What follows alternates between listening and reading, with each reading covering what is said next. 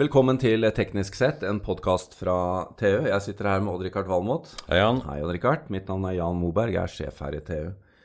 I dag Odd-Rikard, skal vi snakke om et tema som jeg ikke visste var blant dine 400-500 favorittområder. Jeg trodde jeg hadde ganske god oversikt, egentlig. Ja, det er jo nylig blitt det av meg, sier Det er jo ikke mer enn et uh, Noen par uker år, gammelt. Par år, ja. Nei, par år Ja, siden jeg oppdaga ja. her. Ja, Nei, det, Nei. Det, det dreier seg rett og slett om termoelektriske celler. Ja, det, det gjør det. Altså det å hente ut energi fra temperaturforskjeller. Ja. Og der, der finnes det mange steder du kan gå, har jeg skjønt? ja, altså Første gangen jeg oppdaga det her, er faktisk noen år siden, og det var en venn av meg som importerte ei lampe. Du satt et lite sånn telys inn i lampa, og så var det et termoelektrisk element som, som konverterte varmen til lys, Ja. og så drev den masse LED-lys. Så det lyset fra selve flammen, det var ingenting i forhold til det lyset fra LED-lampene som kom ut. Nei, det er samme, Det Du har disse viftene du kan sette opp Ja, ja, det er, peisen ja, og ja, sånn. det er også drives. termoelektriske elementer. Ja. Men folk skjønner, skjønner jo ikke hvordan liksom det her virker. Nei, det gjør, eh, det gjør du. Men for at vi skal være helt sikre, så har vi fått med oss en gjest i dag òg. Vi har fått med oss teknologidirektør Håvard Moe Elkem Velkommen, Håvard. Hei, takk for invitasjonen. Er eh, Odd-Rikard inne på noe her? Odd Rikard har eh, sannsynligvis plukket opp eh, noe av det vi kommer til å se mest vekst i på materialsiden de neste ti årene. Termoelektrisk produksjon av elektrisitet. Det er et område som sannsynligvis kommer til å bli kan bli like stort som, som sol. Men bare forklar hvorfor du som teknologidirektør i Elkem, hvorfor er dette sentralt for dere? Elkem vi jobber med å lage materialer som verden trenger. Og silisium det, det brukes overalt, og silisium kan også brukes til termoelektrisk kraftgenerering. Vi, eh, vi startet Elkem Solar og har fått en veldig god produksjonsprosess for solcellesilisium. Og nå ser vi på neste, neste trinn, og det er å lage silisium eller silisiumlegeringer eh, for å lage strøm fra varme. Så her, du, du, du er liksom litt inne på solceller her òg, da. Det er mye, mye, Det er mye likt her. mye likt her. Det er veldig, det er veldig mye likt. Um, begge delene er jo fornybart. Uh, Og det, det trenger vi jo. Vi må jo ha noe som, uh, som kan gi oss elektrisk strøm uh, uten å bruke olje og gass. Uh, og da er sola er, uh, en utømmelig kilde. Sola den gir, uh, den gir jo sol, og så gir den altså lys, og så gir den uh, varme. I tillegg så har vi uh, mye varmeoverskudd. altså Varmeoverskuddet i verden det er, det er helt enormt. og Hvis man kunne tatt den varmen og lagd strøm tilbake fra den varmen på en effektiv måte, så, så kunne vi løst store deler av energiproblemene i verden. Jeg tenker om du kunne ha fått uh, strøm fra eksosanlegget på dieselbilen din. Jan. Da hadde du vært litt mer miljøvennlig, du òg. Men eh, Vi kan snakke om poengsmotoren. det var jo ikke lenge, da. Nei, det gjør ikke det. Men det er jo et hovedpoeng her, Rikard. Det er at du er avhengig av en, en varm overflate og, og kald eh, eh, rundt, da. Ja. Um, Et varmedifferensial. Varmedifferensial, ja. Men det finnes det jo utrolig mange områder på. Du nevnte dieselmotor og Ja. poengsmotor og men prosessanlegg og alt mulig. Her finnes det jo en haug av områder. ja. Og det er varme som ofte tapes i dag. Men hva er utfordringen, Håvard, med å utnytte dette her? For det, det er jo, det, her er det jo ikke snakk om at vi må gå veldig på leting etter områder hvor du kunne putte disse cellene på.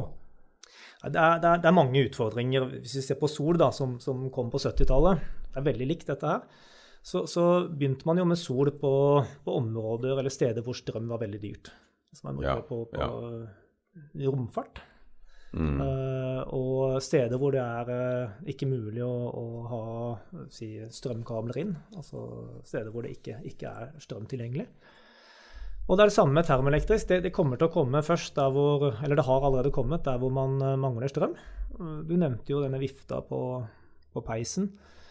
Den morsomste jeg kjenner til, det er når du legger en sånn termoelektrisk plate eh, på primusen din mellom eh, primusen, flammen, og der du koker vann. Så kan du lade iPhonen din eller Samsung-telefonen din med en USB-lader fra et termoelektrisk element, samtidig som du koker kaffe når du er ute i, eh, i villmarken. Så, så det, de, kommer disse nisjeområdene, og så vil det bli I mørket når sola ikke skinner. Ja. Og da kan du få Endelig lys skal jeg få med deg ut på tur. Og, Ja. Nei, det skal mer til. kan du, kan du hekte LED-lysene dine oppi teltet, og så har du lys fra, fra primusen din. Så det her er helt Det, det er jo det morsomste. Elken, vi, vi er jo ikke der. Altså, vi skal ikke jobbe med disse småtingene. Vi, vi tenker stort.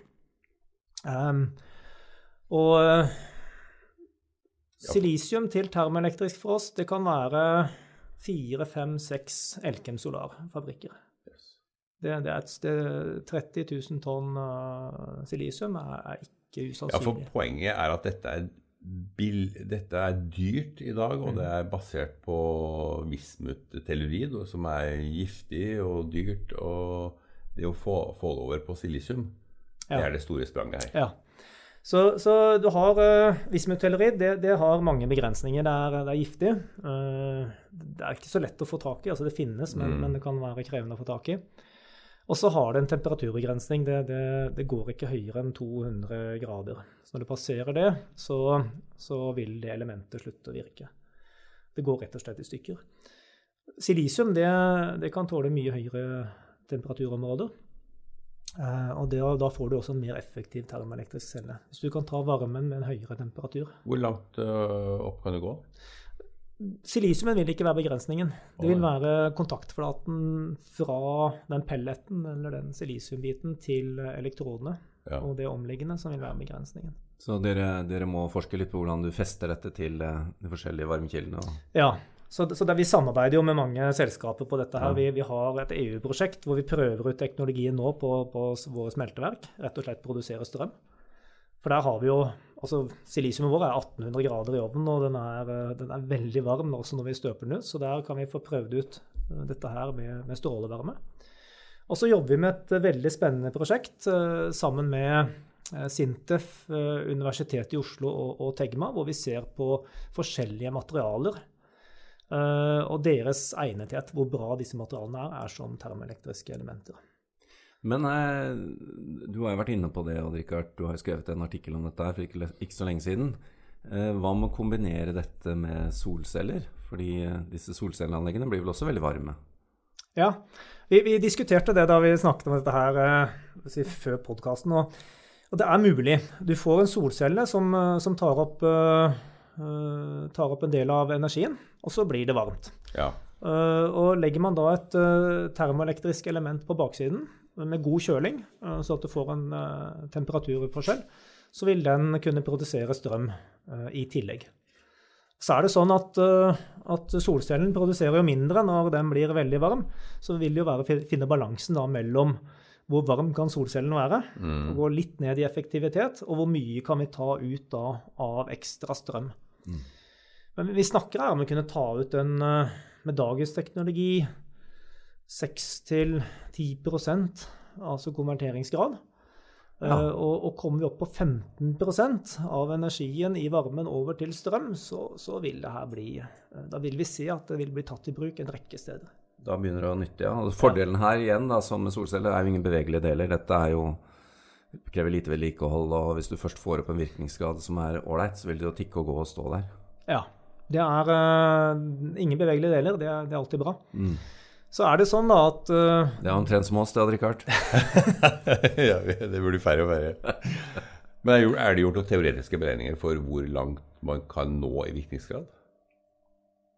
Ja, eh, det er det. Eh, Det er begrenset av, av Carnot-virkningsgraden. Ja. Eh, Samme som, som, samme som alt annet. Ja. Eh, Så desto høyere temperatur du har på temperaturdifferanse, Mm. desto høyere virkningsgrad. Og, og Carnot-virkningsgraden er jo en pekepinn på maks, og så ligger man jo langt, langt under det nå. Ja.